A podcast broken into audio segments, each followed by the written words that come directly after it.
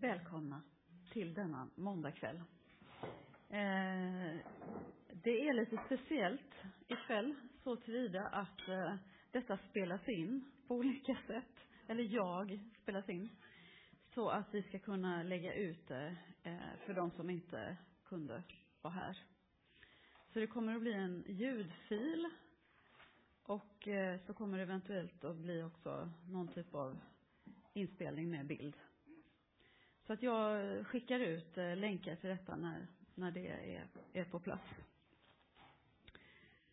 Och så var det ju Miriam Johansson eh, som skulle hålla i detta och hon har förberett sig men hon kunde tyvärr inte komma. Så att jag kommer att eh, följa hennes material. Både powerpointen och, eh, och det som jag säger. Eh, och frågorna har ni ju redan fått. Jag har tryckt upp några extra ifall det är någon som behöver frågorna på papper. Har du inte fått?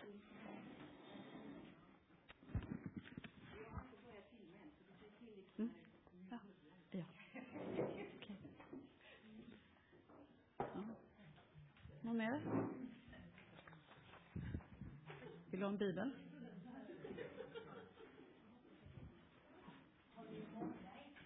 Ja.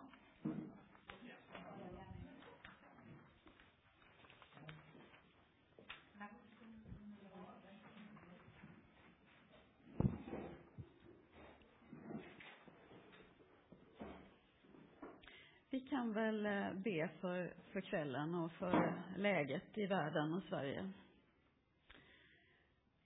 Gud, tack för att vi också i dessa oroliga tider får samlas inför ditt ord.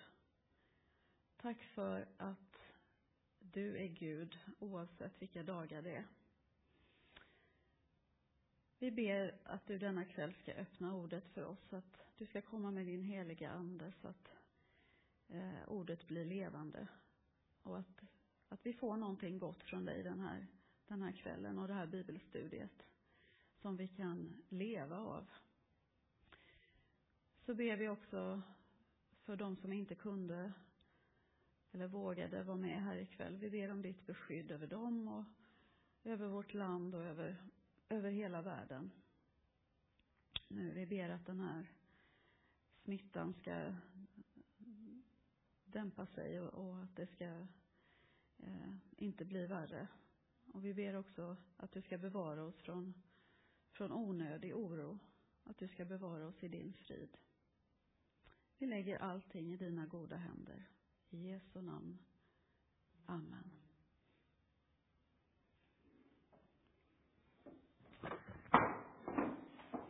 Då sätter vi igång.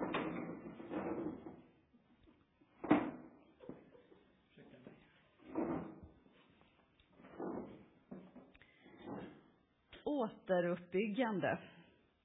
Det här kommunicerar mycket till oss idag. Termen uppbyggelse är ju central i Bibeln.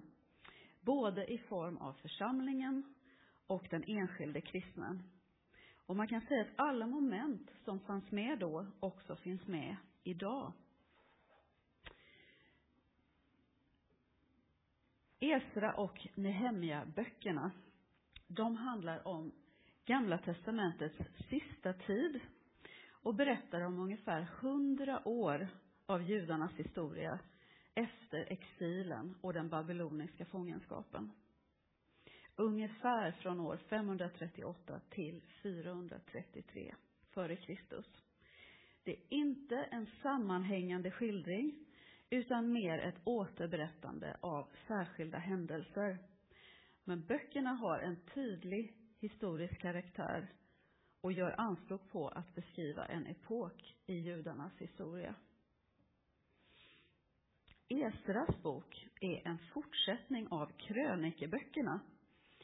Och i den judiska kanon så är de två böckerna Esra och Nehemja en enhet. I Septuaginta, den grekiska översättningen av Gamla testamentet, så är de däremot åtskilda i alla handskrifter.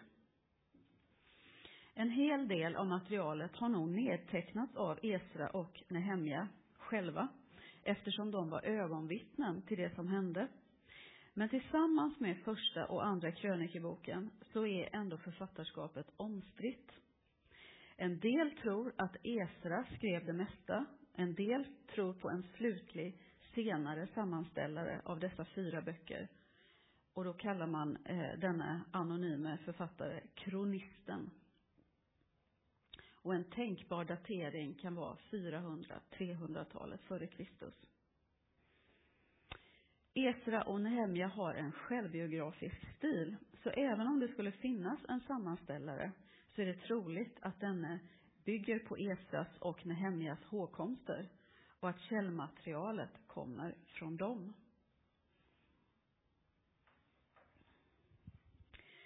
En bakgrund till Esras bok är att judarna har varit fångar i Babylonien, dit de blev bortförda av Nebukadnessar, kungen i Babel, år 586 f.Kr. Då intog babylonierna Jerusalem och brände ner och förstörde Salomos vackra tempel. Som landsflyktiga i Babel hade de viss frihet. De kunde bygga hus, de kunde odla, de kunde leva sitt liv. Men de kände sig ändå som främlingar. De saknade närheten till Jerusalem och templet där de kunde frambära offer. Genom att hålla fast vid de heliga skrifterna, sabbaten och gudstjänsten, så kunde ändå judarna bevara sin egen karaktär. Och vi kan ju fråga oss då, vad håller vi fast vid idag i svåra tider? Profeternas ord eh, gav folket hopp och tröst i den situation som de befann sig i. Profeterna hade talat om att de skulle återvända när tiden var inne och om att det babyloniska riket en dag skulle gå under. Daniel, Hesekiel och Jesaja var profeter som förmedlade detta hopp.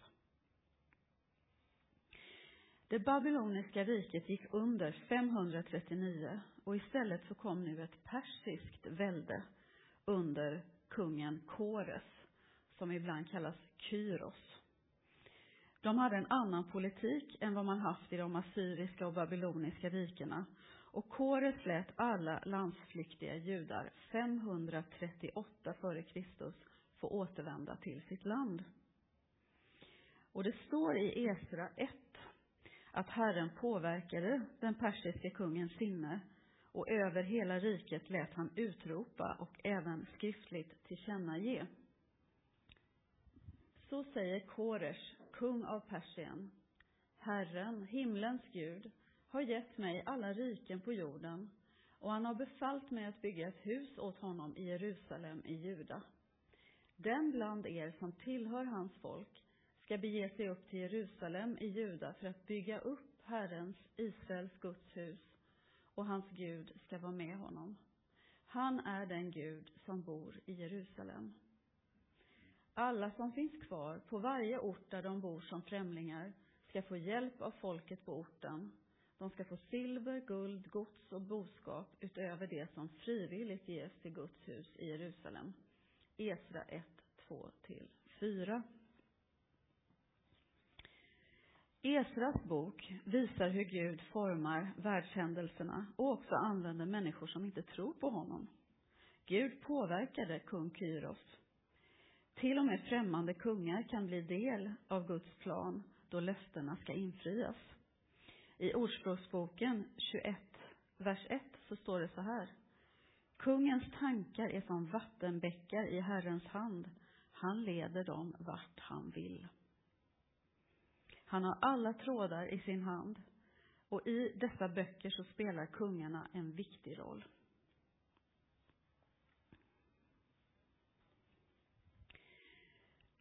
Det var ungefär 50 000 som valde att återvända hem till Juda när de då fick tillstånd att göra det. Ehm, ledaren för det här återvändandet har det roliga namnet Serubabel. Men det är två B i mitten där, inte två B som i Babbel. Eh, och han kan man säga är huvudperson i, i början av Esras bok. Vem var då han? Han var av kunglig davidisk släkt, vilket säkert spelade roll för hans ledarskap. Och vid hans sida fanns Jeshua, en överstepräst. Serubabel var ståthållare när templet eh, uppfördes. Eh, och han fick också ge namn till det andra templet. Det kallas Serubabels tempel. Och det kunde ju inte alls mäta sig med Salomos tempel, det gamla templet. Men det kom att få stor betydelse för judarna efter exilen. Och de tog med sig tempelskatterna som Nebukadnessar hade låtit föra från Jerusalem till Babel. Så nu fick de komma tillbaka igen.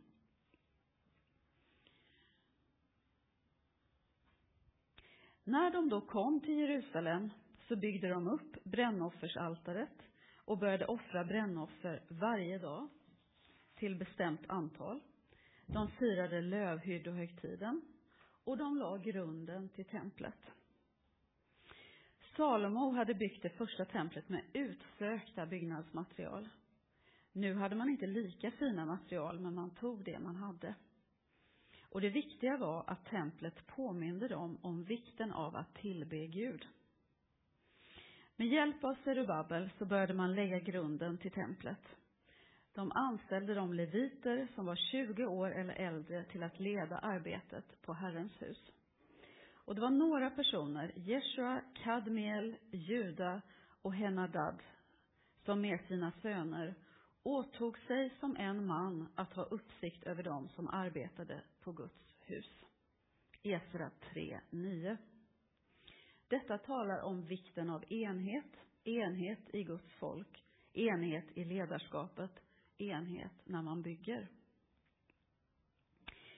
När man då la grunden till templet så var det en stor högtid och mycket känslor. Prästerna hade på sig sina ämbetsskrudar. Eh, de hade trumpeter, man lovsjöng, det fanns symboler. De sjöng att Gud är god och att hans nåd mot Israel varar i evighet. Hela folket jublade högt och prisade Gud för att grunden till Herrens hus var lagd. Och det var högljudd gråt och jubel på samma gång, för somliga mindes ju det gamla templet och sörjde över det.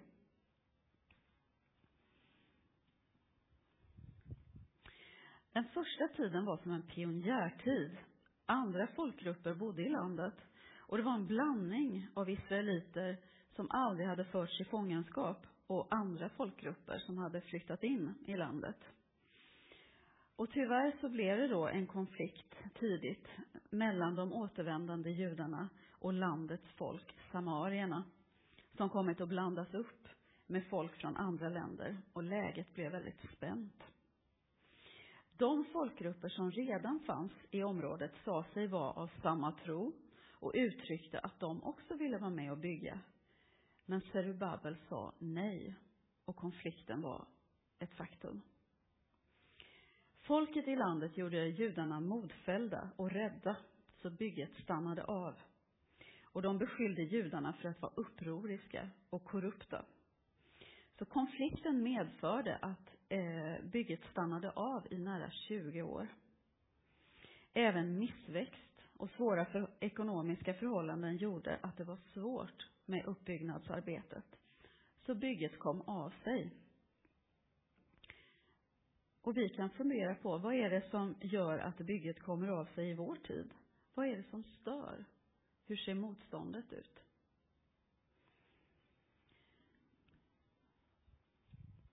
Men under den nya persiske kungen Darijaves så kunde tempelbygget återupptas år 520. Och det var mycket tack vare profeterna Haggai och Sakarja som tempelbygget fick ny fart och kunde göra nya framsteg. De verkade i Jerusalem vid denna tid. Och den profetiska tjänsten är väldigt viktig för bygget.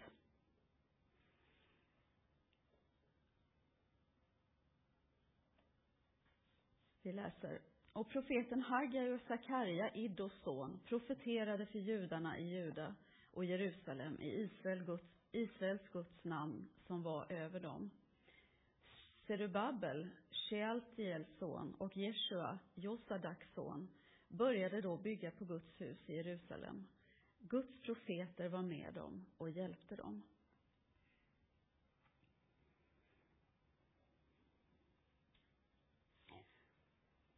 Men motståndet fortsatte. Man sände en skrivelse till Darijaves och han fick undersöka att de säkert hade tillstånd att bygga det här templet.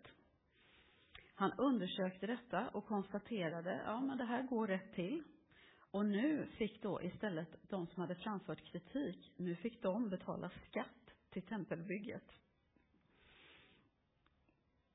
516, år 516 före Kristus, så blev templet klart och kunde återinvigas i kung Darejaves sjätte regeringsår. Nästan 70 år efter templets förstörelse, 586 före Kristus. Och man firade med glädje då det invigdes. Israels barn, prästerna, leviterna och de övriga som kommit från fångenskapen. Man offrade tjurar, baggar, lamm och syndoffer, lika många som stammarna, och man anställde präster och leviter för att vara i Guds tjänst i Jerusalem. Och så firade man påsk. Och prästerna och leviterna hade renat sig. Och israeliterna och de som hade skilt sig från hedna folkets orenhet åt, åt av det för att söka Gud.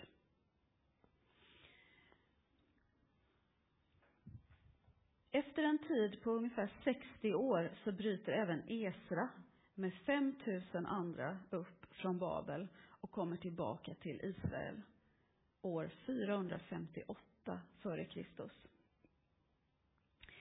Esra hade en väldigt upphöjd position i den persiska administrationen. Och han hade kung Artaxerxes stöd som förklarar att Esras resa till Juda är ett kungligt uppdrag. Kungen gav honom allt han ville ha eftersom Herrens, hans Guds hand var över honom.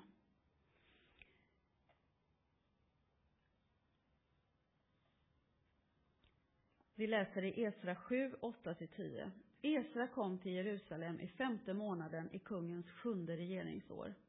Den första dagen i första månaden hade det blivit bestämt att man skulle lämna Babel och på första dagen i femte månaden kom han till Jerusalem eftersom Guds goda hand var över honom. Esra hade vänt sitt hjärta till att studera Herrens lag och leva efter den och lära ut lag och rätt i Israel.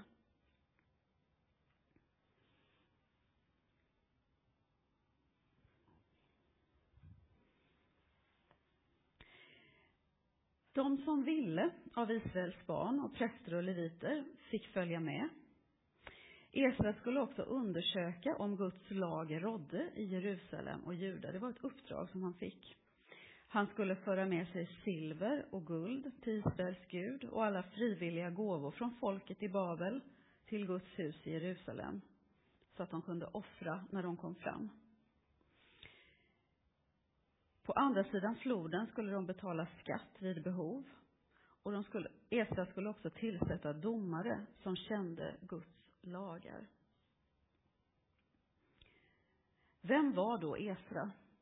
Jo, han hade släktband till översteprästerna i rakt nedstigande led från Aron, den första översteprästen. Mosebror alltså. Och han var känd för att vara väldigt kunnig i lagen och brukar räknas som den första och den största av judarnas skriftlärda.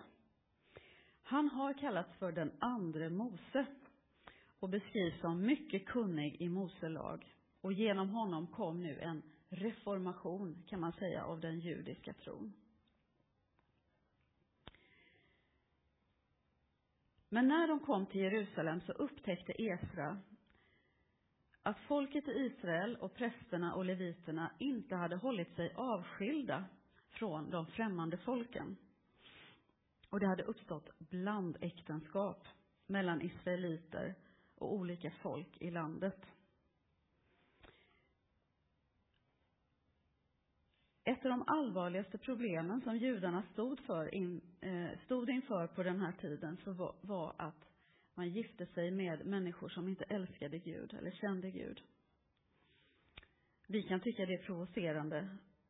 Men i Israels historia så kunde man se att en sån uppblandning påverkade det religiösa livet väldigt mycket eftersom eh, det då kom in tro på eh, andra gudar eh, in i liksom eh, Javedyrkan. Kanske drog sig Esra till minnes vad som hänt i liknande situationer tidigare i Israels historia och ville förhindra att historien upprepade sig. Så han sörjer, han river sönder sina kläder, han rycker av sig hår och skägg och sitter i djup sorg. Han lägger sig gråtande framför Guds hus och ber och bekänner. Han börjar be för folket, en väldigt lång bön.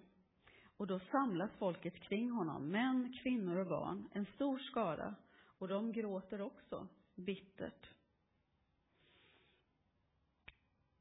En man som heter Sekanja tar till orda,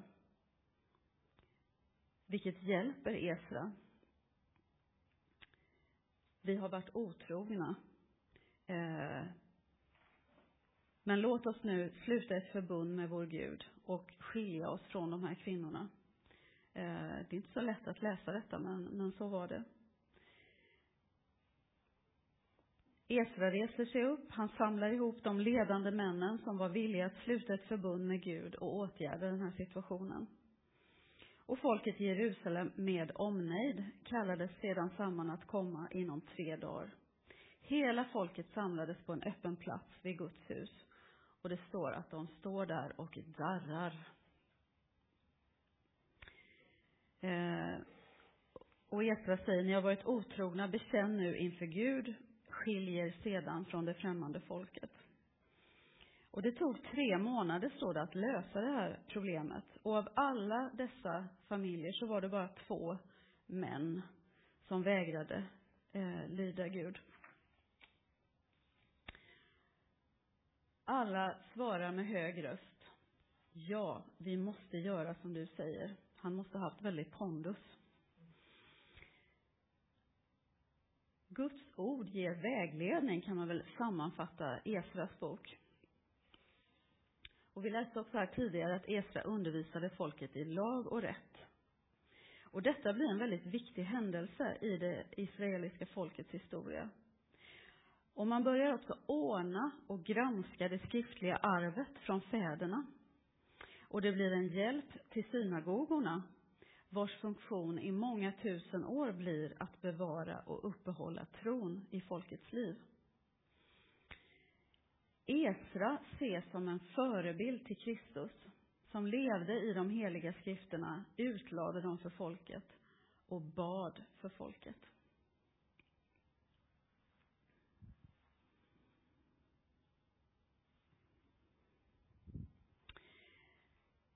Lite grann om Nehemja. Vi rör oss då, eh, Nehemjas bok, i Jerusalem ungefär 90 år efter att judarna återvänt från Babel cirka 450 före Kristus. Staden var i ruiner och det var väldigt otryggt i staden. Den första halvan av boken handlar om hur Jerusalem och dess murar byggs upp. Och den andra halvan handlar om den reformation som Nehemja genomför. Man kan säga att bön och handling är nyckelord i Nehemjas bok. Och boken visar hur Nehemja bad, planerade, arbetade hårt och uppmuntrade dem som bodde i Jerusalem. Och de behövde en ledare som kunde hjälpa dem att göra jobbet, en ledare med pondus. Nehemja var, står det, munskänk hos den persiska kungen i Artaxerxes hov. Det var ett yrke med väldigt hög status. Och han verkar ha haft en god relation till kungen. Kungen samarbetar inte bara med profeterna utan också med världsliga ledare.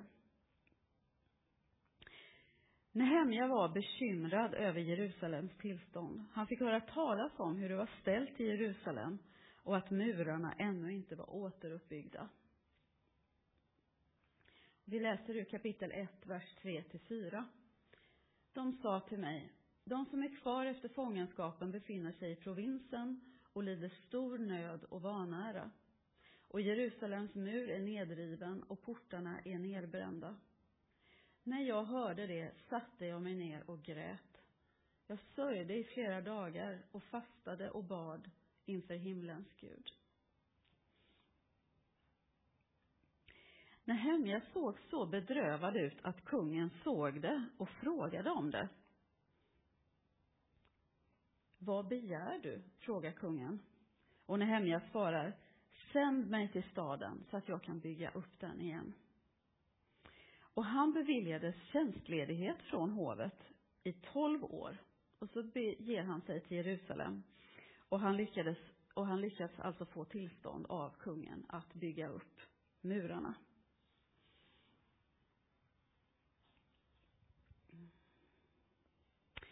Många var engagerade i det här återuppbyggnadsarbetet och Nehemja delade in arbetarna i arbetslag som fick ansvara för olika delar av muren. Motståndet var stort. Det fanns starka krafter som ville förhindra arbetet. De mötte hårt motstånd från olika håll och det visade sig i form av hån, list och anfall. Det huvudsakliga motståndet kom från samarierna och kananéerna. Girighet var också ett hot mot bygget. För det fanns inre motsättningar bland judarna, där vissa grupper av folket utarmades och hade svårt att överleva för att de var så fattiga. Och Nehemja tvingades ta itu med alla dessa hinder. Och därför blev det viktigt med hängivna arbetare som arbetade helhjärtat. Och de satte ut väktare på Sions murar med svärd och spjut och bågar. Och själva arbetarna var också rustade, både med svärd och med murslev. De murade med ena handen och hade vapen i den andra. Nehemja uppmuntrade dem och sa, var inte rädda för dem. Han uppmuntrar dem att lita på Gud och tänka på Guds storhet. Och det står att de kände till och genomskådade fiendens plan och så återgick de till sitt arbete. Halva arbetslaget fick stå på vakt medan de andra arbetade med att bygga upp muren. Och planen att bygga upp muren fullföljdes. Arbetet hade framgång. Inget kunde stoppa Nehemja, inte ens ett mordförsök. Det kan man läsa om i kapitel 6. Och efter 52 dagar så var murarna klara. Står det i kapitel 6, vers 16. Muren blev färdig på 25 dagen i månaden Elul efter 52 dagar. När alla våra fiender hörde detta och alla folken runt omkring oss såg det sjönk de djupt i sina egna ögon. De förstod att detta arbete var vår Guds verk.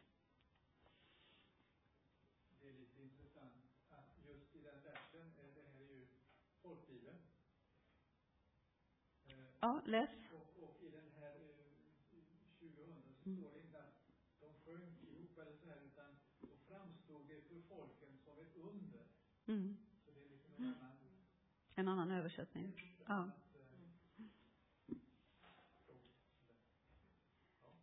Det skulle vi kunna ha en extra kväll om eh, olika eh, tolkningar i Gamla Testamentet, olika översättningar. Det är väldigt spännande. Den inre uppbyggnaden. Alltså när murarna stod klara så började arbetet med den inre uppbyggnaden. Och nu blev det istället fokus på den inre förnyelsen. Ett slags reformation kan man säga. Esra är aktiv här och många tror i alla fall att Esra och Nehemja samarbetade. Det är inte riktigt alla exegeter som, som räknar med detta, men eh, många menar det.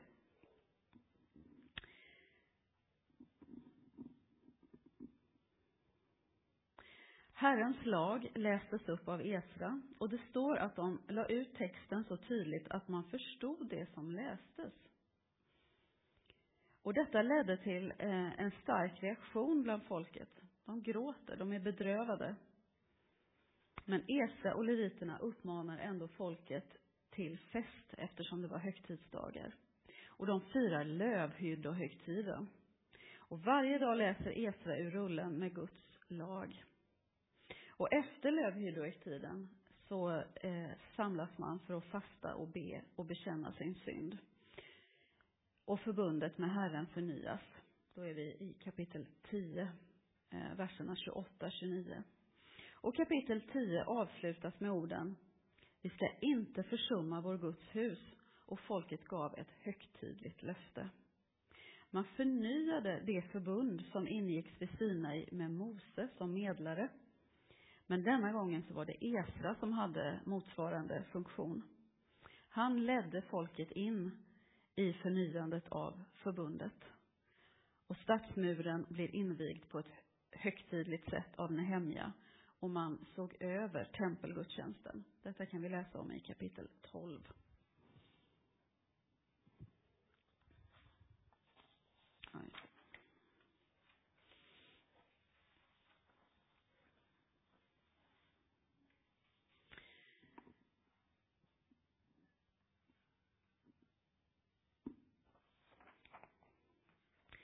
Tyvärr så gick inte förnyelsen riktigt på djupet. Utan när Nehemja kommer tillbaka ett år senare så konstaterar han att det finns en likgiltighet inför eh, det andliga. Esra måste nu ha varit död en längre tid. Templet och gudstjänsten hade försummats. Sabbaten hade vanhelgats.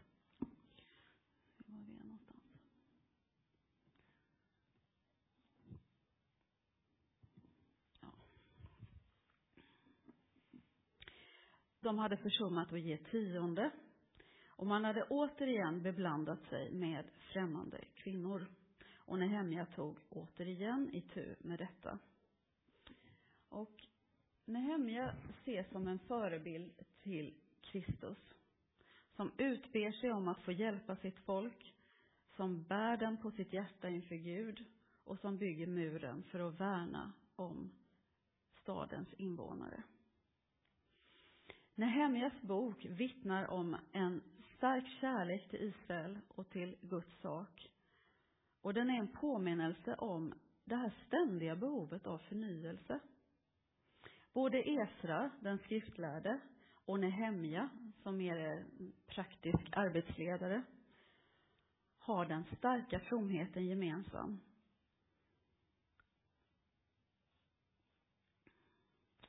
Och nu så ska vi eh, höra lite grann om Haggai. Det är en sån här liten anspråkslös profetbok på tre kapitel som, man, eh, som är lätt att missa. Eh, men Haggai hör till detta sammanhanget. Haggai var född och uppväxt i Babel och han tillhörde dem som återvände med Serubabel 538 f.Kr. Han profeterade cirka 520 eh, före Kristus, det året satte han igång. Och han frambar fyra budskap under 15 veckors tid, så det är en ganska kort period.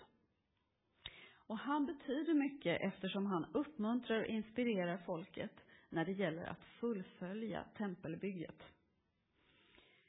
Profeterna Haggai och Sakarja samarbetar med Esra och Nehemja för att hjälpa folket. Och när Haggai kommer in i bilden så har tempelbygget legat nere i 15 år. Endast brännofferaltaret är återuppbyggt. Enligt Haggai så ligger inte bygget nere bara på grund av politiskt motstånd utan också på grund av folkets bristande intresse. Folket hade under den här tiden byggt egna hus. De var upptagna av att bygga sig hem åt sig själva och hade inte prioriterat att bygga på Herrens hus. Guds hus ligger i ruiner. Och enligt Haggai så är det därför som missväxt och mager skörd har drabbat landet.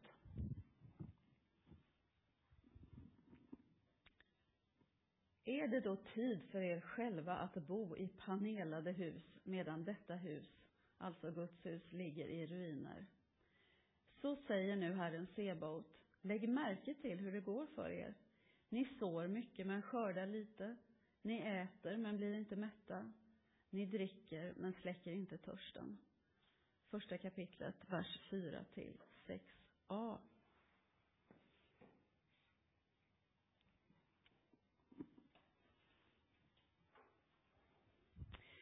Haggais bok innehåller alltså de här fyra talen, de här fyra budskapen. Det första talet håller Haggai vid nymånadsfesten och det handlar om eh, att Haggai menar att det var på grund av att folket inte fullföljt tempelbygget som de led materiell nöd. Och han uppmuntrar folket att återuppbygga templet direkt och inte skjuta på detta ytterligare. Och både folket och ledarna lyssnade och börja bygga på templet igen. Det andra talet hålls vid lövhyddehögtiden, då det var mycket folk samlat i Jerusalem. Folkets hänförelse hade nu börjat svikta eftersom det här templet inte kunde mäta sig i det yttre med Salomos tempel. Men Haggai, han uppmuntrar folket att ta nya tag och att inte bli eh, nedslagna av att templet inte är så fint och praktfullt som Salomos tempel. Detta tempel skulle Gud fylla med sin härlighet, står det i kapitel 2, vers 8 eh, till 10. Och det var det templet som senare byggdes om av Herodes den store och som så småningom, år 70 efter Kristus, förstördes av romarna. Det tredje talet handlar om att Herren ska välsigna sitt folk eftersom de har tagit itu med tempelbygget och att det också skulle komma materiell välsignelse ur det. Gud lovar att fylla folkets behov om de bygger färdigt templet. Och det fjärde talet är särskilt riktat till Serubabel. Han får ett personligt löfte av Gud. Gud skulle vara med honom i hans egen framtid, men också i den tid då hela världen ska skakas. Och här sträcker sig löftet till Serubabels efterkommande, mot Messias och slutet på världshistorien. Och man kan uppfatta Serubabel som en förebild till Kristus. Han var av Davids hus. Han förde folket tillbaka från fångenskapen. Han bygger upp templet. Han kallas tjänare.